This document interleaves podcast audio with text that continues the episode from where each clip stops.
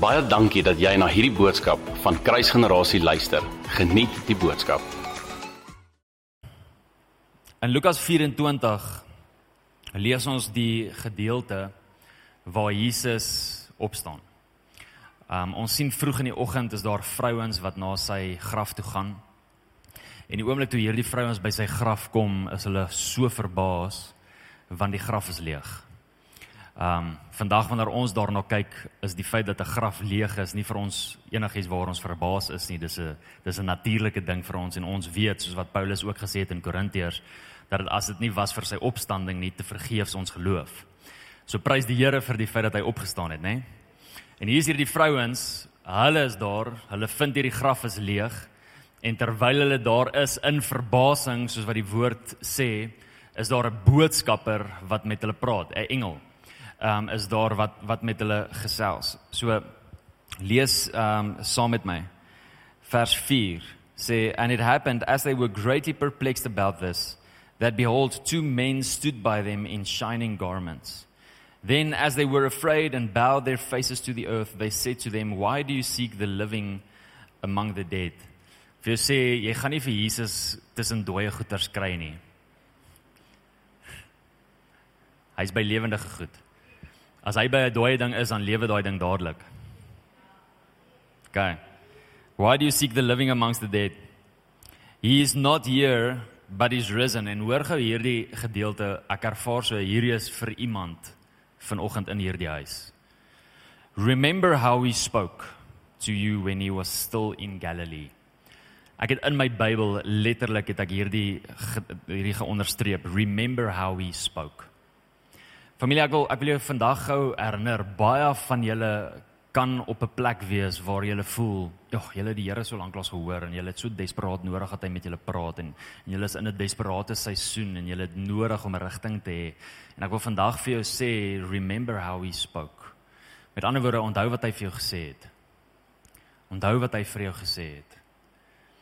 Die oomblik wanneer daar nie iets niets is nie, dan is dit omdat ons eintlik nog besig is met die uitvoering van dit wat hy gesê het nê? Nee? Wie van julle weet dat dit so belangrik is vir ons om die heeltyd op sy borste lê sodat ons die heeltyd kan hoor wat hy sê. Dis moontlik vir ons om gister 'n woord van hom te kry en vandag in ongehoorsaamheid te lewe. En hoor mooi, ek wil dit nie complicate nie. Al wat ek wil wil sê is die volgende dat is so belangrik vir ons om in verhouding te staan en te hoor wat hy sê dat ons nie net kan gaan op okay, hy het hierdie gespreek so ek hardloop vir die volgende 3 jaar met dit wat hy gespreek het nie. God spreek gereeld. Inteendeel as jy in sy teenwoordigheid is, spreek hy. Dis wie hy is, dis sy natuur. Hy kan nie stil bly nie. Hy is die woord van God. Dis sy karakter om om te praat. So maar wanneer ons op 'n plek is en ons is baie keer daar waar ons is in 'n seisoen, ons is in 'n omstandighede, ons face iets, ons het ons het nodig dat hy vir ons sê wat moet ons nou doen? As ons wrestle en as ons druk en as ons bid en ons ervaar nie dat die Here enigiets sê nie en ons ervaar nie dat hy vir ons rigting gee nie, is hier altyd die golden rule van enige enige uh, area en situasie van ons lewens vir ons as gelowiges is om terug te val na dit wat hy gesê het vir een of ander rede vergeet ons in daardie oomblikke waar ons niks hoor nie. Vir een of ander rede vergeet ons wat hy gesê het in die verlede. En ons kan nie vergeet wat hy gesê het gister wanneer ons in vandag is en niks hoor nie. Ons moet onthou wat hy gesê het. Ons moet onthou wat hy gespreek het. En ek ervaar so dat hierdie is vir iemand in ons familie. Dat iemand vandag moet hoor dat luister God het gepraat. Gaan terug na dit wat hy gesê het. Jy soek die heeltyd iets nuuts, jy soek die heeltyd 'n nuwe antwoord, jy soek die heeltyd nuwe rigting, maar die rigting is klaar gegee. Die antwoord is klaar gegee, gaan terug na dit wat hy gesê het. Hoor julle? Maar moenie dit vat as die ultimate om te sê okay, hy het reeds gepraat, nou hardloop ek vir die res van my lewe met dit wat hy gesê het nie. As Abraham dit gedoen het, het hy sy seun geoffer. En as Abraham sy seun geoffer het, was hy ongehoorsaam. Selfs al het God vir hom gesê gaan offer jou seun. Hoor julle my? Kyk, ek gaan dit nou met verduidelik. Julle kyk my nou snaaks uit. God sê vir sê vir Abraham, Abraham, ek wil hê jy moet vir Isak gaan offer. En die en obviously is Abraham gehoorsaam. Hy doen dit en julle ken die hele verhaal. En die oomblik toe Abraham op die offer is. En die woord van die Here sê, die oomblik toe Abraham die mes vat en in die lig optel. Dis letterlik wat die woord sê. So hy's definitief hy's soos in die aksie. Hy moet net sy hand laat val. In daardie oomblik sê God vir hom om te stop. En hy gee vir hom 'n ram. OK? As hy daar nie gehoor het dat God sê stop nie, het hy sy seun geoffer. Het hy sy seun doodgemaak. En dan was hy ongehoorsaam geweest, selfs al het God vir hom gesê offer jou seun, want God het na dit weer gepraat. So dit is so belangrik vir ons om konstant te hoor wat God sê. Ons kan gister hardloop met dit wat hy gesê het. Hy kan vanoggend iets nuuts sê. Ek kan 'n dowe oor gooi. Ek kan hardloop met dit wat hy gister gesê het en ek kan on, on, in ongehoorsaamheid wees. Okay, remember how he spoke. The son of man must be delivered into the hands of sinful men and be crucified and the third day rise again. And they remembered his words. Hoor julle? en hulle onthou ewe skielik dit wat Jesus gesê het. As gevolg van 'n boodskapper, as gevolg van 'n engel, die die die Griekse woord vir engel is die woord angelos en dit beteken letterlik boodskapper. So sien my vandag as 'n boodskapper om net vir weer vir jou te sê, "Hy, onthou net. Onthou wat hy gesê het. Onthou wat hy gespreek het oor jou. Onthou wat hy jou voorgeroep het. Onthou waantoe jy op pad is. Onthou wat sy hart is vir jou. Dit wat sy hart is vir jou verander nie." Hy voel nie die een dag dat hy jou so uh, wil vat in hierdie journey in en die volgende dag dink hy nee, hy's nou nie meer lus vir dit nie. Hy gaan nou sy mind change. Hy gaan nie in hierdie journey invat. Dis nie wie hy is nie. Ons doen dit. Ons vat links draaie en regs draaie en dan moet die Heilige Gees ons net weer terugvat sodat ons net weer en dan het dit 2 jaar ekstra gevat as wat ons moes en dan moet ons repent en dan voel ons sleg daaroor en dan sê die Here kom oor dit jump weer oor die journey. Kom ons gaan weer aan tel op waar jy waar jy laat val het. Ehm um, ons as mense, ag, oh, prys die Here vir sy genade. Prys die Here vir sy genade. Né? Jy hoor ons kan partykeer so dom wees. Sorry, ek sê ek sê nie jy's dom nie. Dis nie dis nie wat ek sê nie. Vers 9. And then they returned from the tomb and told these to the 11 and to all the rest. Hoor so hoor gou mooi hierdie. So hier is hierdie vrouens. Hierdie vrouens kry hierdie boodskap. Hulle is by die by die by die graf. Die engel praat met hulle, herinner hulle aan dit wat Jesus gesê het. Hulle gaan terug na 'n plek waar hulle gegather het en die woord sê en hulle het hierdie vir die 11 gesê, wie's die 11? Die 12 apostels minus 1. Hoekom minus 1? Want Judas het homself gehang. OK? So die 11 is die apostels wat saam met Jesus geloop het. And the rest, wie's the rest? Julle sal onthou dat Jesus het nie net 11 disippels gehad nie. Né? Nee? Lukas 6 leer ag Johannes 6 leer dit vir ons so mooi dat daar 70 was. As jy Matteus 10 en Lukas 10, Lukas 11, Matteus 10, Matteus 11 gaan kyk waar Jesus hulle uitstuur, dan sien jy dat hy die die 12 uitstuur, maar dat hy later die 70 ook uitstuur. So daar was meer disippels as net die 12. So al die disippels en almal wat in hom geglo het, is almal op een plek. En hier kom die vrouens, die heel eerste evangeliste van die opstanding van van die kruis, vrouens. And so by the way, well done vrouens, julle doen goed. Hulle gaan en verklaar dat die seun van die mens opgestaan het. Vrouens, eerste evangeliste. In vers 10 sê vir ons wie hierdie vrouens was. Vers 10 sê vir ons and it was Mary Magdalene, Joanna Mary, the mother of James, and other women with them who told these things to the apostles. Nou hierdie is so mooi as jy konteks het van wie hierdie vrouens is. Maak 'n side nota, skryf dit daar langs daai versie in of skryf dit in jou notaboek in waar jy ook al notas doen. In Lukas 8 vers 2 tot 3 lees 'n mens hierdie vrouens se name ook en die woord sê vir ons wat hierdie vrouens gedoen het. Hierdie vrouens het gesorg vir Jesus finansiëel. Dit was hulle werk. So baie keer wanneer ons hierdie lees of ons sien hierdie vrouens wat saam met hom geloop het, dan dink ons, o, oh, dis die ouens wat sy klere gewas het, dis die vrouens wat sy skottelgoed gewas het, dis die vrouens wat hom kos gemaak het. Nee, nee, nee. Die woord sê vir ons hier dat hierdie was die vrouens gewees wat finansiëel gesorg het vir Jesus. Hoor net gou mooi. Hier's die koning van die heelal. Het hy nodig dat iemand vir hom moet sorg finansiëel? Hy gaan haal minstukke uit 'n vis se mond uit. OK? Hy het nie nodig nie. Maar hierdie vrouens se harte is so ingekoop teenoor wie Jesus is dat hulle kan nie anders as om hulle finansies net in dit in te stoot nie. Hulle kan nie anders as om net te support nie. En dis wie hierdie vrouens is. Okay? Julle sal sien hy praat daar sê hulle Mary the mother of James. Nou baie van die skrywers het nie 'n klou wie hierdie is nie. Hulle sê hulle weet nie regtig van wie na wie verwys hulle nie. Maar baie van die geskiedskrywers kom en leer vir ons dat hulle van hier af eintlik verwys dit na Jesus se ma, maar hulle praat nie meer hierso van Jesus se ma nie as gevolg van wat gebeur het by die kruis. OK? Julle sal onthou by Jesus se kruis het hy vir Johannes die disipel gesê kyk na my ma. Daar's jou ma, dis nou jou ma, kyk na my ma. Onthou julle, dis nou my parafrase, die die Jan vertaling, JAN vertaling. OK? Gaan sorg vir my ma, gaan kyk vir my ma terwyl ons redder aan 'n kruis hang, terwyl hy besig is om dood te gaan, is hy besorgd oor sy ma. As julle dit wys julle net die hart van ons koning. Dit is so amazing dat Jesus se hart, sy mind is altyd family. Dat selfs in 'n tyd waar hy doodgaan, selfs in 'n tyd waar hy voel dat God hom verlaat het, waar hy sê Eli Eli lima sabachthani, my Vader, my Vader, my God, my God, hoekom het jy my verlaat? Is sy hart steeds dink aan my ma. Pas my ma op. Hoekom? Jesus was so profeties, Jesus het presies geweet wat gaan gebeur.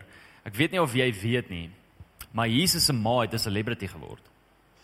OK. Toe al die Jode die evangelie begin hoor en hierdie verhaal begin hoor van Matteus en van Lukas en hoor hoe sy swanger geword het terwyl sy 'n maagd was. Ons gaan nou in Kers uh, Kersfees in. So ons gaan iewers oor hierdie boodskap moet gesels. Hier kom hy nou vir julle. OK, terwyl hulle hoor van hierdie maagd wat swanger word van die Heilige Gees en dat die God van die hemele binne in hierdie vrou kom weeg, is elke Jood wat dit hoor in ekstase, in verwondering. Hulle kan nie glo, hoe is dit? Hoe is dit dat die koning wat alles in sy hand hou, kom lewe binne in so klein baarmoeder en daar groot word en so vulnerable is nie? En die oomblik toe hulle dit hoor, toe word Maria 'n celebrity, letterlik 'n celebrity. Almal wil haar ontmoet. Almal wil by haar wees. Almal wil haar geskenke bring. Almal wil hê sy moet vir vir haar bid. En Johannes, ek weet nie of julle weet nie, Johannes die um apostel het op 'n stadium, ek het hierdie al so baie vir julle gesê. Hy was op 'n stadium die leier van die gemeente in Efese in die tyd wat Efese herlewing gehad het. Handelinge 19 vertel vir ons van daai herlewing, nê. Later is is hy ook natuurlik die een wat 1 Johannes, 2 Johannes en 3 Johannes geskryf het en hy's ook die een wat die boek Openbaring geskryf het terwyl hy op Patmos was in gevangenis. Maar voordat hy sy ministry kon gaan doen, moes hy eers na Jesus se ma kyk. Hy het nie geminister nie. Sy ministry het nie begin nie. Sy ministry was om te kyk na Jesus se ma. Ja, ek sien soveel mense wat in die ministry wil ingaan en dan wil hulle sommer dadelik die platform hê en hulle wil sommer dadelik 'n groot stage hê en hulle wil sommer dadelik vir baie mense bedien, maar min mense is gewillig om te doen wat eintlik Jesus net vir hulle vra. Kyk na my ma. Kyk hier ek sal na jou ma kyk, maar kan ek dan asseblief ook preek vir 'n miljoen mense? Nee nee, kyk net asseblief na my ma. En Johannes kyk na my maar die geskiedskrywers reken dat hulle gaan net na die hilltops toe, hulle het op 'n koppie gaan bly weg van almal af buite Jerusalem sodat niemand weet waar sy is nie en hy het letterlik omgesien na Jesus se ma ehm um, totdat totdat sy ma dood gegaan het. Het hy gekyk na Jesus se ma. Hulle was nie natuurlik net daar nie, hulle het ook getravel, maar dit was waar hulle omtrent gebly het. So die oomblik wanneer hulle hier praat van Mary the mother of James die apostles, die geskiedskrywers reken hierdie dat die apostles het nie meer gepraat van Mary the mother of Jesus nie, hulle het gepraat van Mary the mother of James, juis om haar identiteit te beskerm sodat almal nie nou sal vlok na haar toe nie. So baie geskiedskrywers reken dat hierdie is Maria, Jesus se ma, net 'n stukkie inligting vir almal. Is interessant, is dit nie? Nee, dit was vir my interessant. Goed. Vers 11. And their words seemed to them like idle tales and they did not believe them. So die eerste evangeliste word nie geglo nie. Totdat hulle self gaan kyk het. But Peter arose and ran to the tomb and stooping down he saw the linen cloths lying by themselves and he departed marveling to himself at what had happened. En hier kom ons dan by die gedeelte waar ek eintlik wil gesels. Lukas 24 verduidelik vir ons van 'n gedeelte wat die ander evangelies nie van verduidelik nie en dit is die die Emmaus of die Emmaus gangers, hoe jy dit ook al wil wil uitspreek. En ehm um, daar's twee disippels op hierdie pad, op hierdie pad na Emmaus toe. En die Bybel sê vir ons in my vertaling sê hy dat Emmaus of Emmaus was 7 myl van Jerusalem af. Maar Emmaus die Hebreëse woord vir vir dit beteken hot spring in Grieks beteken hy fountain of salvation. So hulle is letterlik besig op pad na 'n plek waar water uitkom om daar te gaan bly want dis hulle dis hulle huis. So hulle hoor hierdie boodskap. Hulle sien want hulle was deel van hierdie klomp mense wat daar was die oomblik toe hierdie vrouens vertel het van die graf is leeg. En die woord sê vir ons dis dieselfde dag. So op dieselfde dag, die dag wat Jesus opgestaan het, en dieselfde dag wat die vrouens gesien het die die graf is leeg en dieselfde dag wat Petrus gegaan het, stap hierdie twee disippels na Emmaus toe, na Emmaus toe om daar te gaan bly. En op pad soontoe praat hulle twee met mekaar oor al hierdie goeters wat gebeur het.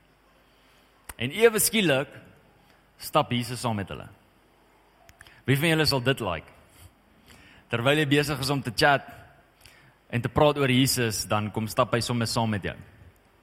Maar hierdie is hierdie is wat gebeur. Hoor hoor gou hierso, vers 15.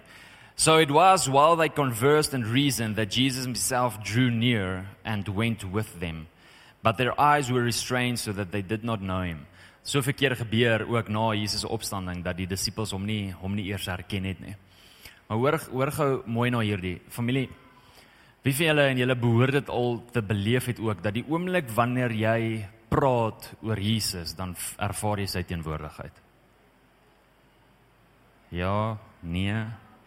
As jy sê nee, moet jy regtig bietjie bewus begin raak van wie hy is. Gaan ek ek dare jou praat vanaand oor 'n koppie koffie saam met jou man of jou vrou of jou familie, praat bietjie met hulle oor Jesus en word bewus van sy teenwoordigheid. Hy kom die oomblik wanneer ons oor hom praat. Dit beteken hy's hier. Ons praat oor hom. Hy was al lank al hier voordat ons oor hom begin praat het want ons het so mooi vir hom gesing. Hy het dit gelaaf. Hy was al hier toe ons vir hom gesing het. Dis wie Jesus is. En hier is hierdie twee en hulle herken hom nie. Vers 17 um sê Jesus vir hulle sê what kind of conversation is this that you that you have with one another as you walk and are sad? Sê so waar praat julle? En die een vers 18 then one whose name was Cleopas answered and said to him are you the only stranger in Jerusalem and have you not known the things which happened there in these days Met ander woorde hier kom hierdie man Cleopas en basically sê hy vir Jesus lewe jy onder 'n klip Hoe weet jy nie van al hierdie goeters wat gebeur het nie Dis onmoontlik dat jy nie van hierdie weet nie So is so interessant, daar's twee disippels wat daar loop, maar die Bybel kom en gee net vir ons die naam van een van hierdie persone. Hy gee nie vir ons die naam van die ander een nie. En die geskiedskrywers reken dat Kleopas was Josef, Jesus se pa, se boetie. So volgens die geskiedskrywers kom Jesus eintlik na sy eie oom toe. En hy vra vir sy oom: "Oor wie praat julle?" Soos eintlik moet jy my ken oom, maar oor wie praat julle? Ja, en hulle sê, "Maar lewe jy onder onder 'n klip? Weet jy nie van al hierdie goeters nie?" In vers 19, um and he said to them, "What things?"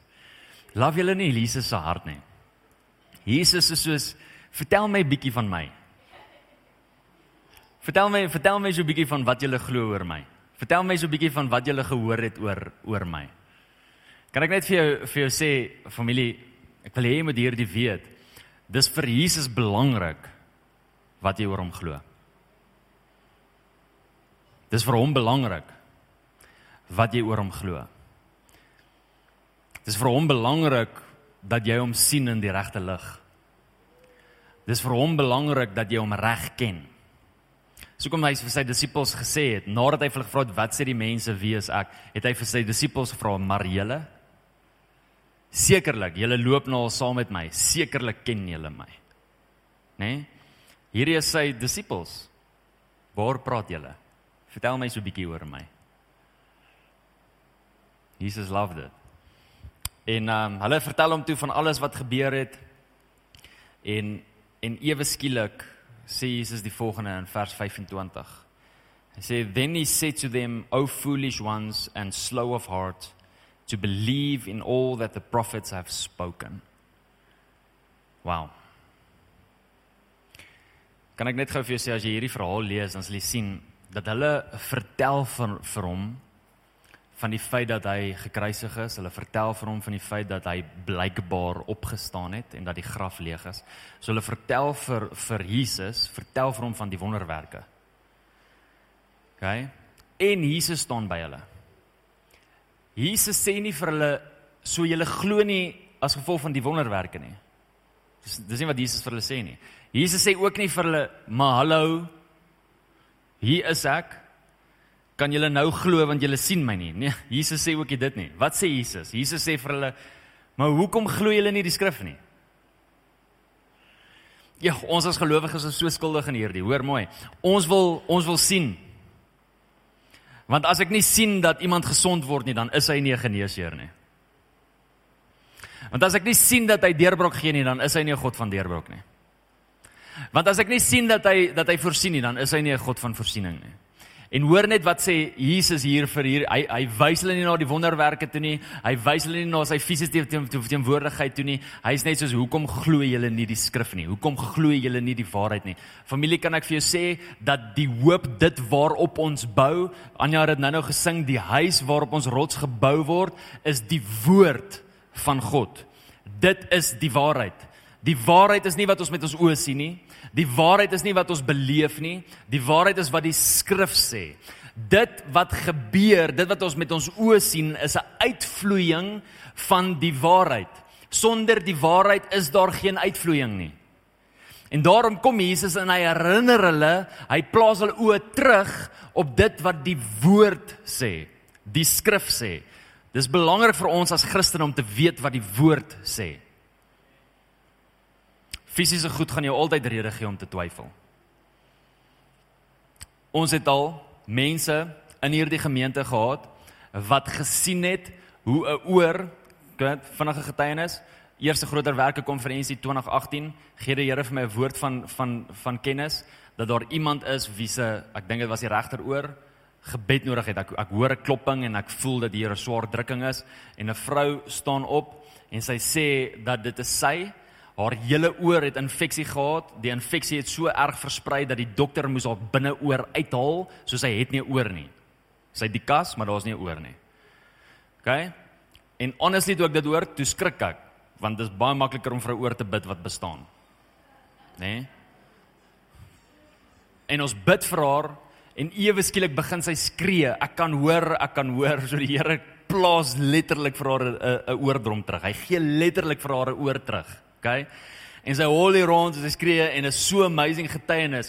Ons het mense in hierdie gemeente gehad wat dit gesien het met hulle eie oë wat uit ons kerk uit is en sê hierdie woorde gesê het, God genees nie. Om te sien met jou fisiese oë is nie genoeg nie, jy moet weet wat die skrif sê. Jy moet weet wat die woord sê. Jy kan nie net gaan op dit wat jy sien nie. We live by faith and not by sight. Ons wil ons geloof bou op dit wat ons met ons gesig sien. Ons is veronderstel om ons geloof te bou op dit wat ons met geloof sien. En Jesus bring hulle terug en herinner hulle net aan. Luister, onthou net gou waar hierdie gaan. Gaan terug na die skrif toe en kom ek wys gou vir jou wat sê die skrif oor my. Hoor wat sê die woord. And beginning vers 27 beginning at Moses and all the prophets he expounded to them in all the scriptures the things concerning himself. Jesus begin letterlik as die woord praat van beginning at Moses, dan praat hy van die boeke wat Moses geskryf het. Watse boeke het Moses geskryf? Die eerste 5 boeke van die Ou Testament het Moses geskryf. Die die Jode noem dit die Torah, die Grieke noem dit die Pentateug. Hierdie eerste 5 boeke is boeke wat compulsory is vir enige Joodse seun om te ken. By die ouderdom van 12 jaar oud ken die Joodse seuns die Torah so goed dat hulle uit hulle kop uit kan sê sonder dat hulle na die skrif kyk.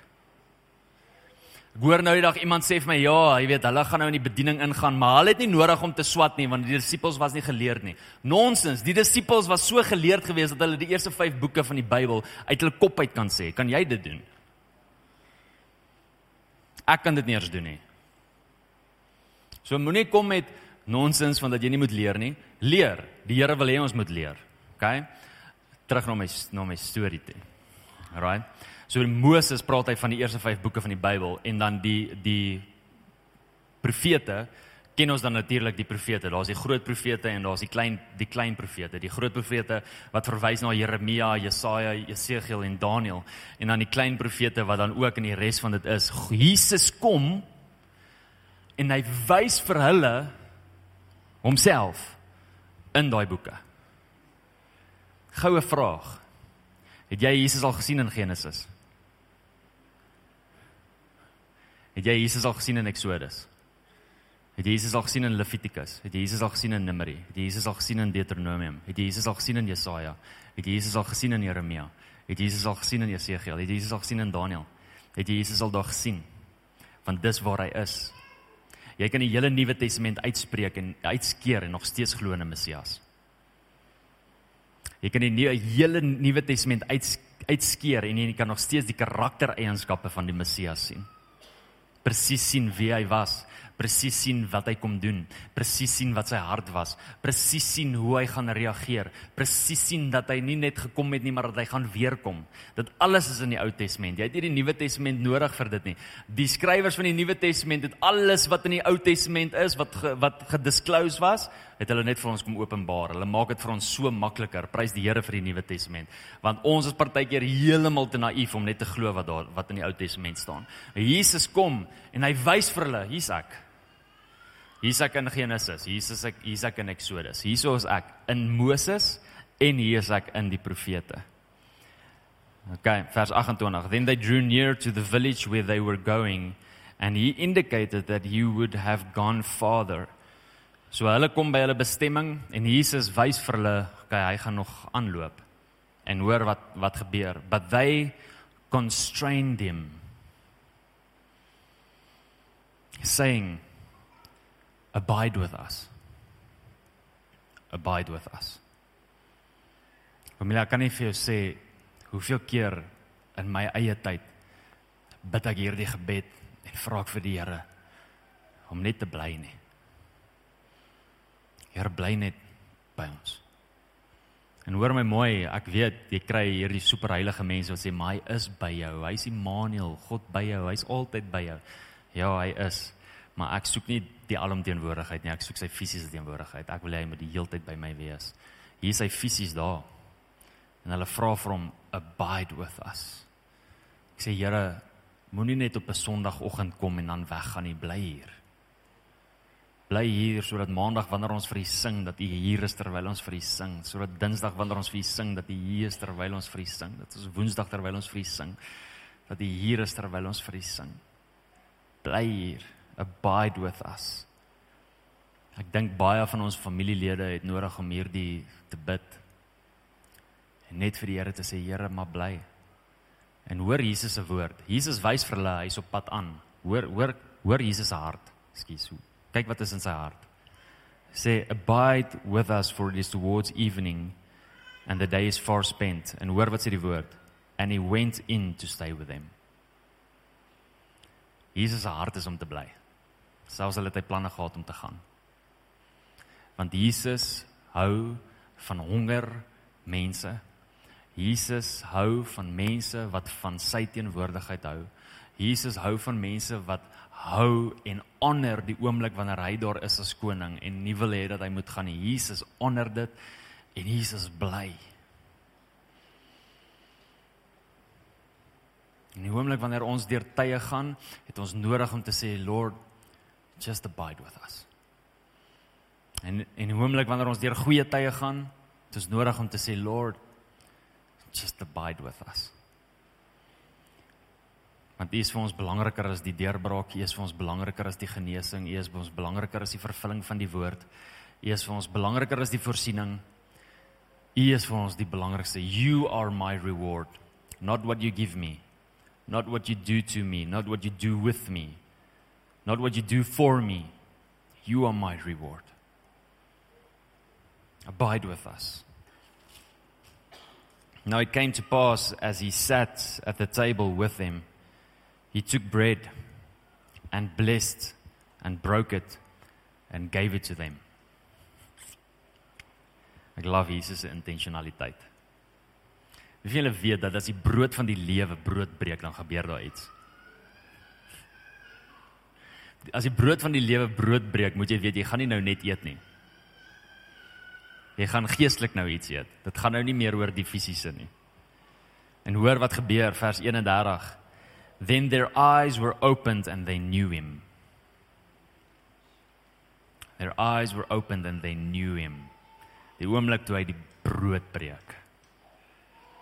Vandag vir jou sê familie ons ons eer die nagmaal en ek dink julle almal onthou die teaching wat ons gebring het oor die nagmaal. Daar's 'n rede hoekom die nagmaaltafel hier staan en nie die kansel hier staan nie. Want hierdie is baie meer belangriker. Sy liggaam, dit wat hy gedoen het op die kruis, die vervulling wat hy daar gebring het, is baie meer belangriker as enigiets wat ek vandag vir jou kan bring. Hierdie. Dis waar dit gaan. Hierdie oomblik wanneer ons hier oopbreek, het ons die voorreg om hom te sien. Julle het nodig om nie net hier brood te breek nie. Maar nodig om in 'n huis rondom 'n tafel saam met 'n familie brood te vat, die brood te bless, die brood te breek en mekaar te herinner aan wat Jesus gedoen het sodat ons oë kan oopgaan en sodat ons hom kan sien. Hulle stap saam met Jesus vir hoe lank? Hulle praat oor hom, hulle praat van hom, hulle luister na hom en hulle hoor nie eers en weet nie eers dat dit hy is nie. Dis moontlik vir jou om jou hele dag deur te gaan saam met hom in jou in jou kar, saam met hom by jou by die werk, saam met hom waar ook al jy is en hom nie eers te sien nie en nie eers bewus te raak van hom nie. Met die oomblik wanneer ons by die huis kom en ons vat hier die brood en ons breek hier die brood en ons bid, Here, maak ons oë oop, dan sien ons, o, toe ek hier gery het, was hy eintlik daar. Toe ek hier geloop het, was hy eintlik daar. Toe ek hierdie experience het, was hy eintlik daar. Toe ek hierdie gesien het, was hy eintlik daar. Om te weet dat Jesus eintlik daagliks saam met ons loop, daagliks by ons is. Ons het nodig dat ons oë moet oopgaan. En hier is een van die maniere hoe Heilige Gees ons oë oopbreek sodat ons die koning van die konings kan sien en weet dat hy daagliks by elke een van ons is. Hy los ons nie. Luister as die woord sê dat hy ons nooit begewe en nooit verlaat nie, dan kies ek om dit te glo en dan maak dit nie saak of ek nie bewus voel van sy teenwoordigheid nie. Dan maak dit nie saak of ek hom nie sien nie, nie beleef nie, nie weet of hy daar is nie. Ek weet wat die woord sê en dit beteken dat ek in geloof weet dat hy daar is. Al voel ek dit nie, al het ek nie goosebumps nie, al het ek nie vlinders in my maag nie, al sê my kop vir my dat hy nie daar is nie. Weet ek dat hy daar is want hy is nie 'n mens wat hy sou lieg nie. Ons het nodig om vas te hou aan daai aan daai waarheid. Maar ons as gelowiges, o, oh, ons love dit om gegaan deur ons emosies, nê? Nee? Ons wil so gelei word deur ons emosies. O, oh, maar ek voel ek moet vir jou iets sê. Ek voel ek moet hierdie vir jou bring. Ek voel ek moet jou bless met hierdie. Ons gaan heeltyd op ons emosies, emosies. Weet jy wat, nê? Nee? Romeine 8 vers 14, ek dink is vers 14, gaan check my net op dit. Sê dat hy wat gelei word deur sy emosies is kinders van God. Sê die woord dit. Nee. Hy wat gelei word deur die gees van God, hierdie is die kinders van God. Hou op gelei word deur jou emosies, my magtig. Word gelei deur die gees van God. Hou op gaan oor hoe jy voel. Ek voel nie ek wil vandag kerk toe gaan nie. Hy luister, die gees wil hê jy moet kerk toe gaan. Jy beter kerk toe gaan. Ek weet ek preach my vir die vir die Facebook mense. OK. Weet julle is hier preaching to the choir. Hou op gaan op wat jy voel. It's not about emotions. Ons reageer op wat die Gees van God sê. Die Gees lei ons in alle waarheid. Jou emosies gaan jou nie in alle waarheid lei nie. Glo vir my, jou emosies gaan vir jou jok. Die een oomblik voel jy so en die volgende oomblik voel jy so. Die een oomblik is jy happy en die volgende oomblik is jy depressief. Die een oomblik is jy is jy nors en die volgende oomblik smaal jy. Die een oomblik bless jy iemand en die volgende oomblik curse jy iemand.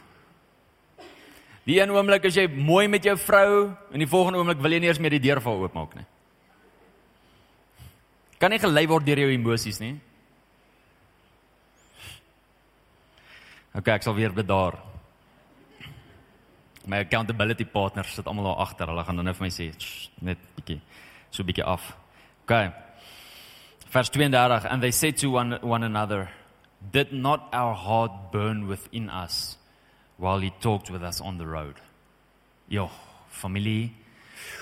OK, hier gaan ek weer.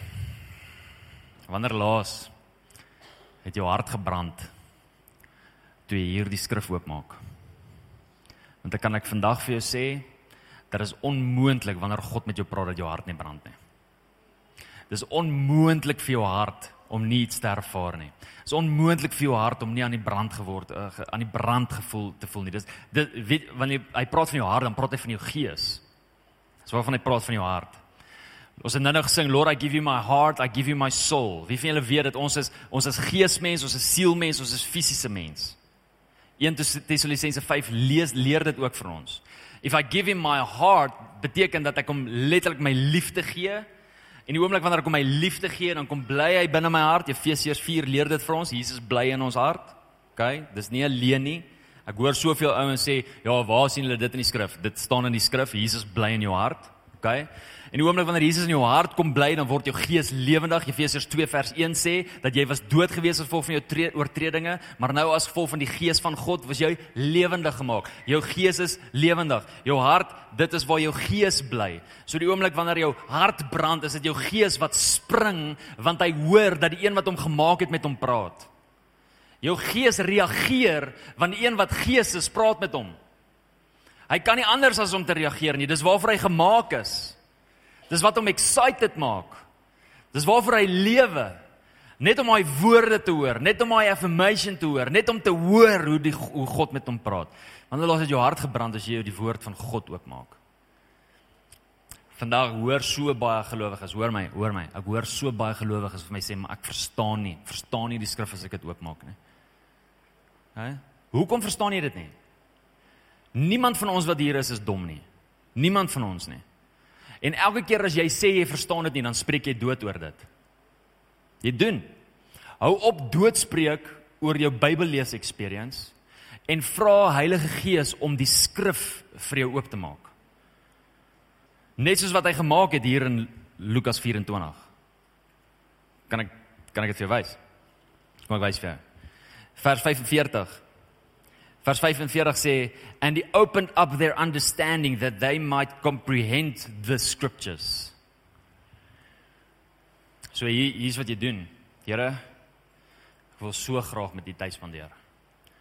Ek ek wil so graag in die woord tyd spandeer want ek weet hierdie is u. Dis dis God. En ek bid dat terwyl ek hierdie woord nou gaan oopmaak, bid ek Heilige Gees, U het hierdie woord gegee, U het hierdie woord geïnspireer. So ek bid, Heilige Gees, sal U kom praat met my deur hierdie woord. En ek bid, Here, net soos wat U die disippels se verstand oopgemaak het, bid ek dat U my verstand oopmaak. Help my om hierdie te verstaan en brand binne in my wanneer U praat.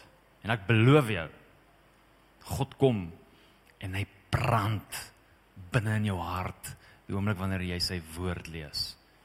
Dis wie hy is, julle, dis sy hart, dis wat hy wil doen. Hy wil met ons praat. Sê ja, maar God praat nie met my nie. Wanneer laas het jy Bybel gelees? Want hy praat elke keer wanneer jy hierdie oopmaak. Praat hy. Sê ja, maar ek hoor nie sy stem nie. Ja, jy hoor sy stem. Hy klink soos jy. Net gou 'n paar godsdienstige koeie slag. Jesus klink soos jy. As jy praat, as hy met jou praat. Die oomblik wanneer God met my praat, die Here praat met my deur my conscience, daar's 'n paar maniere hoe hy met ons kan praat. Hy praat met ons deur sy woord, hy praat met ons deur 'n profeet, hy praat met ons deur 'n engel, hy praat met ons deur die natuur, hy praat met ons deur drome, deur visies, hy praat met deur ons deur 'n trance, hy praat met ons deur soveel maniere. Een van die maniere wat hy met ons praat is gees tot gees. Die oomblik wanneer jy in jou gees, in jou hart ervaar dat hy met jou praat. Die oomblik, dis hoe God met my praat. Die oomblik wanneer hy met my praat, is dit nie 'n ander stem wat ek hoor in my gedagtes nie. Dis my eie stem maar dis hy wat praat. God klink soos jy. Hou op om dit te complicate. Ja, daar's pastore wat dit wil complicate, julle. Hulle wil hê jy moet daai diep stem hoor. Jan, jy moet nou asseblief hier links draai. Uh, nee, jou GPS klink so. God klink nie so nie. OK. Dit is so eenvoudig. Julle maak dit so complicated hou op om dit complicated te maak. Luister na die stem binne in jou hart. Luister na daardie stem. Hoe meer jy reageer op daardie stem, hoe meer jy in obedience stap om daardie stem, hoe meer begin jy daardie stem ken. En hoe meer weet jy dit was nooit jy nie. Jy's nie so slim nie.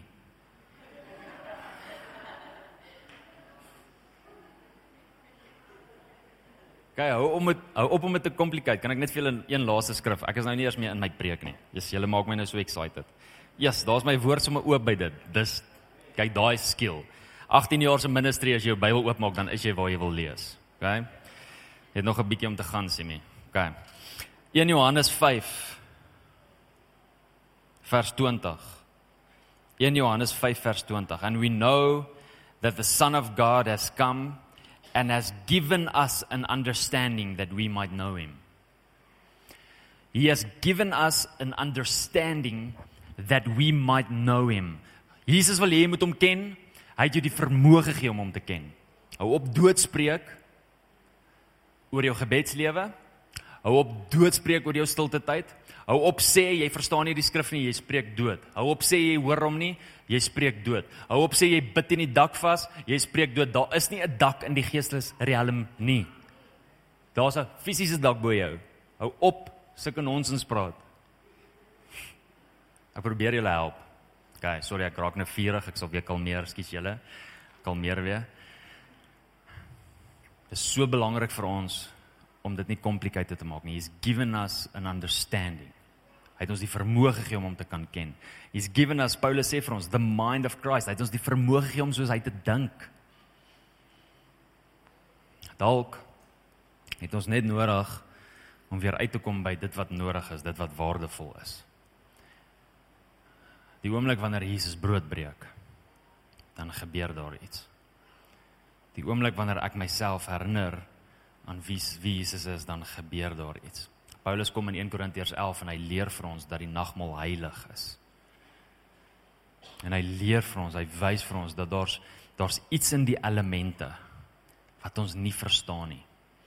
Daar daar gebeur iets die oomblik wanneer ons hierdie gebruik wat heilig is, iets wat ons nie verstaan nie. It's not a natural thinking process. Dis 'n geloofsding. Dis iets wat jy net in die geloof kan ervaar. Dis iets wat jy net in die geloof kan kan gebruik. Daar's iets wat gebeur. Ons weet nie wat gebeur nie, maar daar's iets wat gebeur. Onthou my preek oor die nagmaal. Daai tyd wou die kerk weet wat gebeur.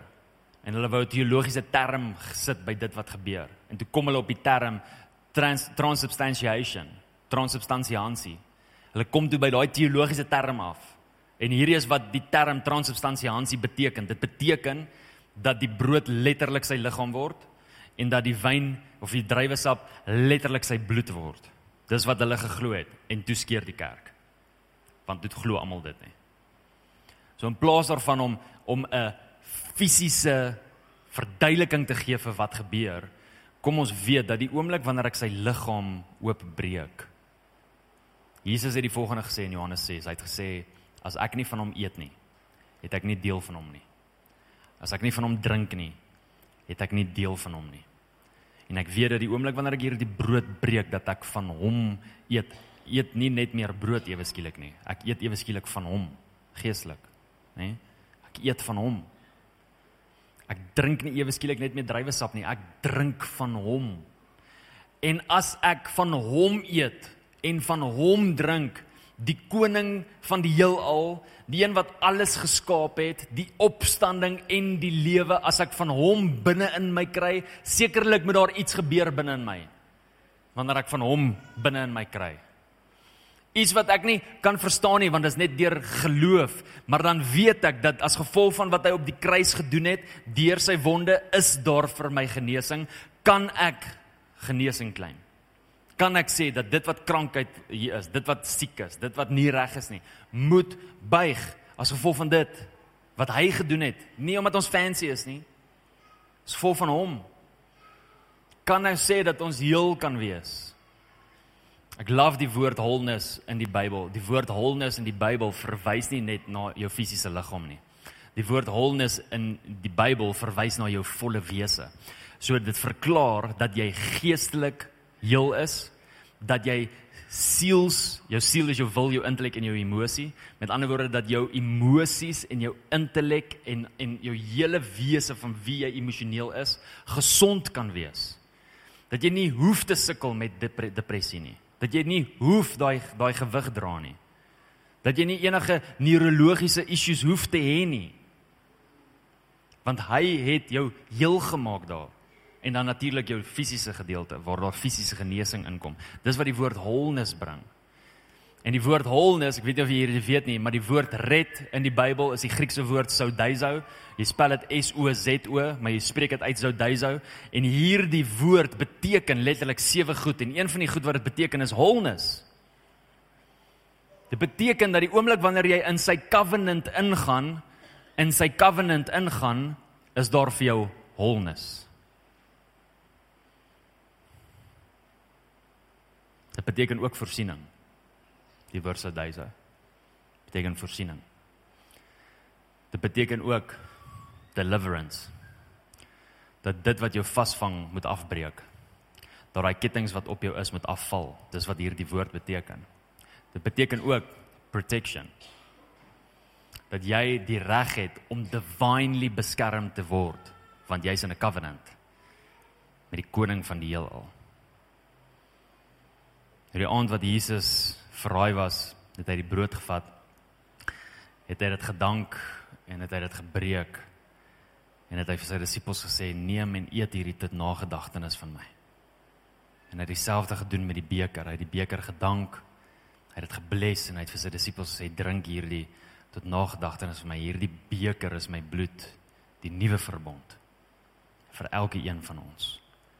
Baie dankie dat jy na hierdie podcast geluister het. Indien jy die boodskap geniet het, deel hom asseblief met jou vriende.